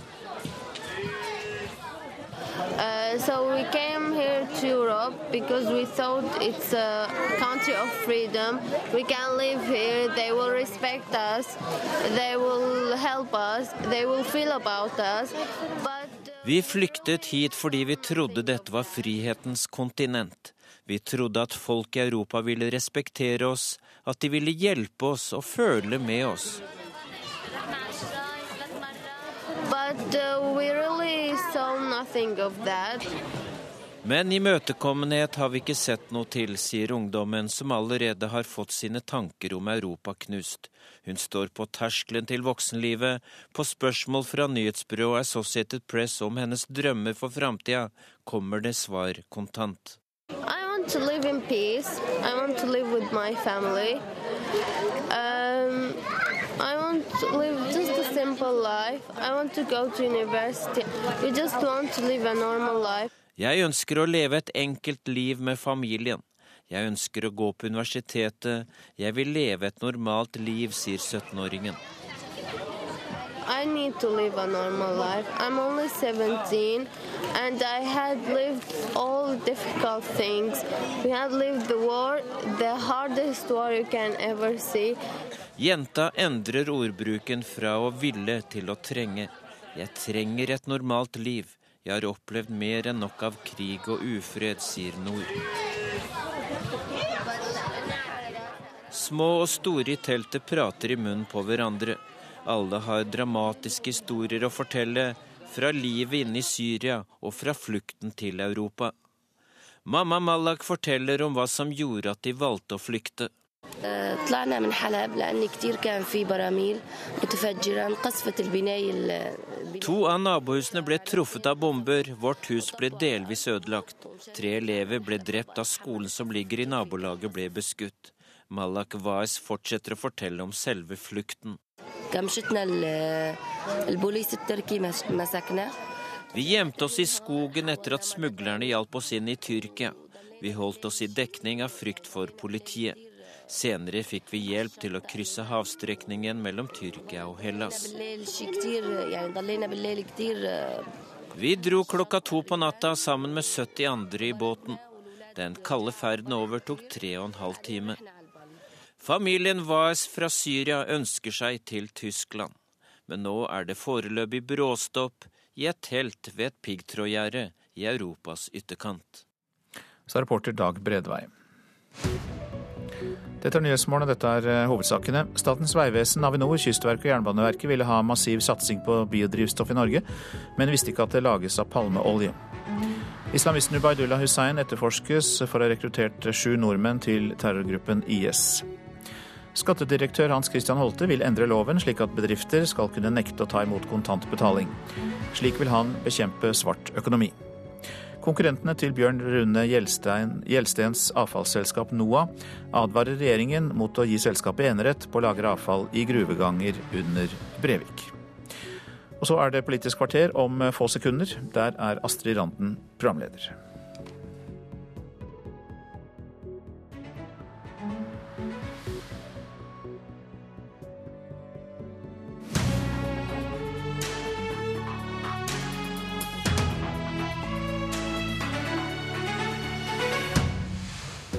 Piggtråd blir rulla ut, grenser vokta med soldater. Det europeiske samarbeidet blir sett på prøve. Klarer ikke EU finne ei løysing, kan asylsystemet bryte sammen innen kort tid. Hva gjør så vesle Noreg? God morgen, du hører eller ser på Politisk kvarter. Først skal vi få en rapport fra der dramaet utspiller seg. Europakorrespondent Tore Tollersrud, du er med oss eh, fra grensa mellom Makedonia og Hellas, i eh, byen Idomeni. Og eh, der er det altså slik at 10 000 flyktninger venter i kulda på å få komme inn i Makedonia. Det har de gjort i dagevis, noen ukevis. Men bare om lag 100 slipper gjennom hver dag. Hvor spent er situasjonen der du er nå? Jo, den er spent. Det opplevde vi jo klart i går kveld. Det er bare som du sier, noen få som, som slipper, slipper, igjennom. De andre er jo her fordi de har på en eller annen måte et håp om forventning om at de også skal eh, få gå gjennom grensen opp eh, i Makedonia og videre oppover i Europa.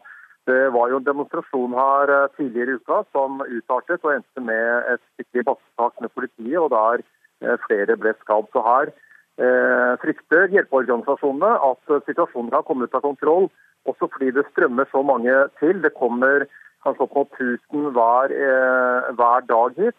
Og Leger uten grenser sa jo til meg i går at dette var en leir som var dimensjonert en, en transittleir til kanskje 1500, og nå er det altså over 10 000 her. Ja, Ute av kontroll. Er det frykt for uroligheter, for, for noen form for opprør? Ja, eh, Det er iallfall frykt for at det er jo slik at disse flyktningene har veldig liten forståelse for det som nå skjer. De føler jo at de har satset omtrent livet på å komme seg over sjøen og til Hellas, og så videre oppover i Europa. Og Så møter de altså stengte grenser og føler at de får en svært dårlig begrunnelse eller ingen begrunnelse for, for uh, hvorfor denne grensen er uh, stengt. Og det er klart at Når det kommer stadig flere og eh, som, som alle sammen har det samme ønsket av å komme over denne grensen, så kan det bli aggressivt her. Og grekerne har jo ganske mye opprørspoliti på stedet. Mm. Hva er grunnen til at Makedonia nærmest nå stenger, stenger denne grensa? Ja, De gjør det i samarbeid med andre land på, på, Balkan. De mener rett og slett at grekerne har eh, stort sett bare vinker flyktningene forbi. De slipper de inn i Hellas og bare sender de videre uten å, gjøre, uten å foreta noen skikkelig asylbehandling. Eh, disse Balkanlandene sammen med Østerrike hadde et møte eh, i forrige uke i Wien, og der, eh, der de vedtok disse tingene. og Der var jo eh, verken Hellas invitert eller eh, Tyskland. og Dette eh, provoserte bl.a. grekerne så kraftig at de hjem, hjemkalte sin ambassadør fra Østerrike. Da eh, sier vi takk for den rapporten, europakorrespondent Tore Tollesju. Og med dette bakteppet, i denne situasjonen, så spurte du i går, Jonas Gahr Støre, du spurte utenriksministeren i Stortinget hva vil Norge gjøre? Spørsmålet til det er nå hva ville du gjort hvis du hadde vært utenriksminister i denne situasjonen? Dette er et stort europeisk eh, problem. Eh, det har sin opprinnelse i en Midtøsten-region i oppløsning og krig. Eh, slik at Norge sitter ikke med løsningen på det problemet. La oss minne oss om starten av sendingen at det er der i krigen Eh, i fortvilelsen av mennesker som bryter opp, store flyktningleirer i nabolandene, i Tyrkia, eh, at dette skjer. Likevel så skal vi prøve å trekke det litt det er det vi ned. Men det er bare behov for å si det, fordi det, det, dette kommer fra et sted. Eh, og det, hva Norge kan gjøre med det, det, er også da begrenset, selv om vi også kan ha et engasjement. Norge er ikke med i EU, men vi er med i grensesamarbeidet. Vi har en yttergrense oppe ved Storskog som det nå er kontroll ved. Så vi må i de fora der vi slipper til, være en aktiv bidragsyter til å finne løsninger for byrdefordeling. Dvs. Si at de byrdene som få land tar, må fordeles på flere. Vi må kunne gi støtte til at Hellas kan opprettholde et grensevern ved sin grense, som vi nå gjør, og som vi nå øker, og det er veldig positivt. Eh, og så må vi, som jeg vil sikkert komme inn på i sendingen også, se på våre egne grenser, som er altså midt i Norden, som har en egen grensehistorie, som jeg er opptatt av at vi må ta godt vare på, og et nordisk samarbeid som jeg tror kan være viktig for Norden, men også som vår stemme inn i Europa. Så når vi sitter og foreslår løsninger i Europa, så er de sterkere om vi gjør det sammen med nordiske land. Er du fornøyd med den jobben utenriksminister Børge Brende gjør? Dette er jo ikke primært utenriksministerens ansvarsområde, men det er også utenrikspolitikk. Det jeg har savnet, er at den utenrikspolitiske dimensjonen ikke har vært nok inne. Vi har jo sett at når vi har kommet til situasjoner med Russland, så var det nødvendig for utenriksministeren å, å, å, gripe inn, så å si, fordi den kom ut av kontroll. Og dette viser noe av det som vi har sett de siste dagene, at utenriks- og innenrikspolitikk det henger sammen. Så vi må erkjenne at dette er en utenrikspolitisk sak. Jeg har ikke noe tvil om at utenriksministeren er engasjert i dette. Han sa det i sin redegjørelse, det er bra. Men jeg ønsker at det fokuset skal holdes. For til nå har det vært for mye innvandringsminister og justisminister. Det er Norge. Det holder ikke. For dette er også et tema som berører vårt forhold til andre land tett på oss, Norden og Russland, men også i Europa, som er viktig for oss sikkerhetspolitisk. Og det som skjer nå i Hellas, er jo oppskriften på at noe kommer til å ryke. Det kommer til å koke over. Det kommer til å være dramatisk i Hellas. Men det er også veldig dramatisk for det, samarbeidet i Europa som også vi er avhengig av.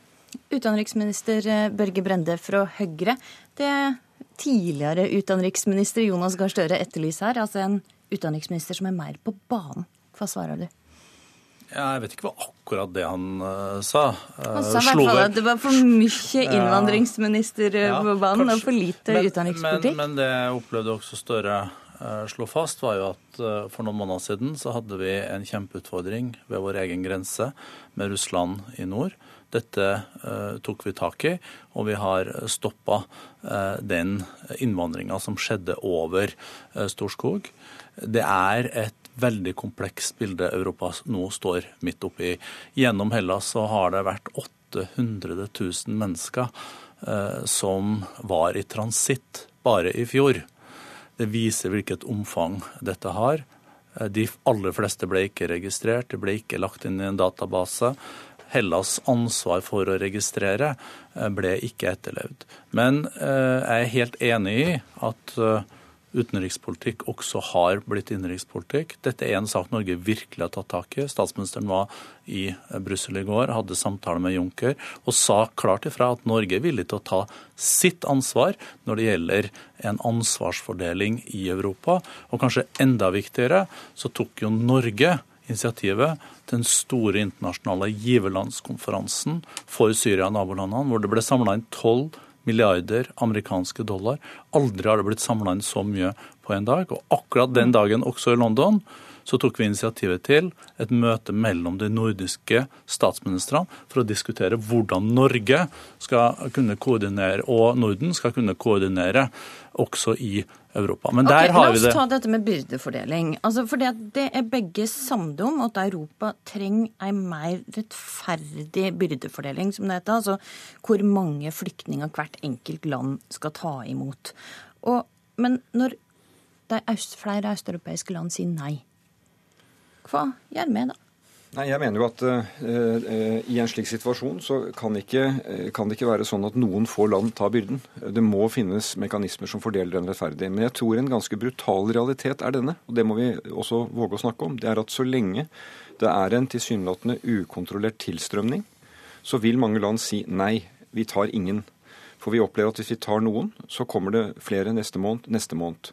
Så dette ligger jo også i et spenningsforhold mellom forholdet til Tyrkia, som allerede har tatt 2,5 million, er ganske overbelastet.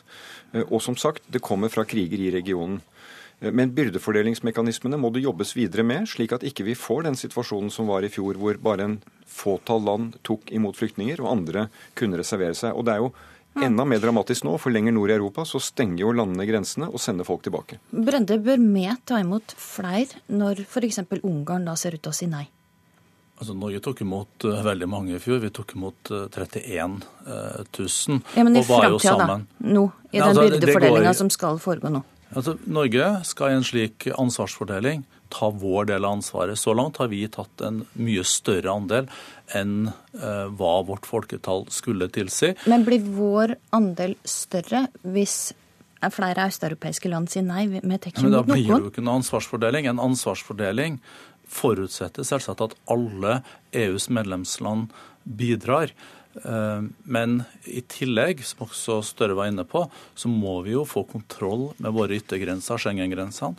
Alle må registreres. Hvis det ikke skjer, så vil det heller ikke bli en gjennomføring av denne ansvarsfordelinga. Det er helt riktig at disse Visegrad-landene har jo valgt å ta eh, ikke mye ansvar. I fjor så var det jo Tyskland, Sverige og de nordiske landene pluss Østerrike og Nederland som tok absolutt hoveddelen av dette ansvaret. Og det mm. kan ikke fortsette. Men det er, okay. en må, nei, det er en dimensjon som må føyes til her. Og det er at vi snakker om flyktninger og asylsøkere som følge av krig og konflikt. Men det vi opplever nå, er jo pga. at det er et vindu åpent, og at Europa ikke har kontroll med sine grenser. Så ser vi også en migrasjonsbølge hvor det er mange hundre tusen som nå kommer basert på sosiale og økonomiske årsaker. Og de har vi ikke anledning til å gi beskyttelse. slik at det kompliserer bildet. Vi må også sende ganske sterke signaler nå om at vi må hjelpe i de eh, landene, men vi kan ikke ta imot eh, mennesker med basis i at de har en annen økonomisk og sosial livskvalitet i det landet de kommer fra. En må altså sikre Schengen sine yttergrenser. og kan det gjøres på noen annen måte enn med piggtråd og høye gjerder, større? Det er ofte det du møter ved en grense, men vi håper at Europa i tråd med de verdiene vi har, både ved våre yttergrenser og de som er her, kan gjøre dette på en skikkelig måte. Ta imot, registrere, returnere de som ikke skal. Et kvotesystem har vært diskutert. Eh, og Det er jo det FN har hatt før denne krisen kom. At du kan ta imot kvoteflyktninger som er registrert, som, som blir kontrollert, reiser fra en leir, er pekt ut og kommer. Det skjer under ordnede forhold. Da kommer du til en flyplass. Det, eh, det vi sier her, at vi tar imot så og så mange, det er jo grunn, på grunnlag av en ukontrollert tilstrømning. Så hvis Europa skal kunne ta sin del av ansvaret, så må det altså bli kontroll ved yttergrensen. Men jeg tror det er viktig å, å se også det som utenriksministeren er inne på, at vi lever i folkevandringens tidsalder. Og hvis Europa ikke får en, en, orden på dette, så kan det bli spenninger ved at det kommer folk inn fra mange vinkler. Og det som kan skje nå i Hellas, er jo at det, det koker så å si over der, og at flyktningrutene tar andre veier. Eh, og Derfor så er det så mye som står på spill, også politisk for Europa. Hvis Europa står og sier at ikke de klarer å løse dette, så får det altså effekter også på veldig mange andre områder. Og Det er der jeg mener Norden kommer inn. fordi i Norden har vi hatt passfrihet i 50 år. Vi har vært i forkant av dette i forhold til alle andre land. Og der mener jeg at denne regjeringen har vært i sin tid litt passiv i forhold til å utnytte de mange mulighetene Norden har. Norden er en litt sovende mulighet for Norge, for at vi har Nato, det er EU, det er EØS, men i bunn ligger et nordisk fellesskap som er våre grenser, det er våre naboer, og det blir desto viktigere nå. De rød-grønne var bedre på nordisk samarbeid enn det, hevda Støre. Men eh, det er jo ikke sant bare fordi at han sier det. Eh, det er jo litt interessant at eh, det utspillet kom samme dagen som jeg den utenrikspolitiske redegjørelsen på tirsdag hadde et langt kapittel hvor jeg sa at Norden måtte spille en viktigere rolle fremover. Norge under vårt formannskap i 2017 har en offensiv agenda. Som jeg sa, statsministrene i Norden samlet, ble samla i London knytta til giverlandskonferansen for å diskutere dette. Så okay, her så tror jeg det slås inn åpne dører. Men, i, men, vi må men... være såpass realpolitisk også og bare innse at Norden uh, har ikke talt med én stemme her. Det har vært ganske store uh, meningsforskjeller mellom Sverige og Danmark. Og jeg har opplevd uh, også å både snakka med en danske og svenske utenriksminister eh, det siste året for å, forsøke, for å, forsøke, å få Norden til eh, å stå, eh, stå, sammen. Jeg tror de nå er mer konvergens der enn hva det var for noen måneder siden. Men mm. Norden har ikke talt med én stemme her, ikke EU heller.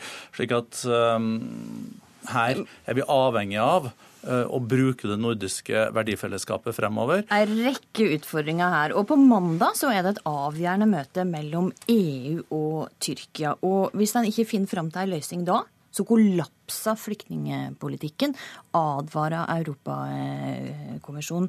Er du samd i den påstanden, Brende?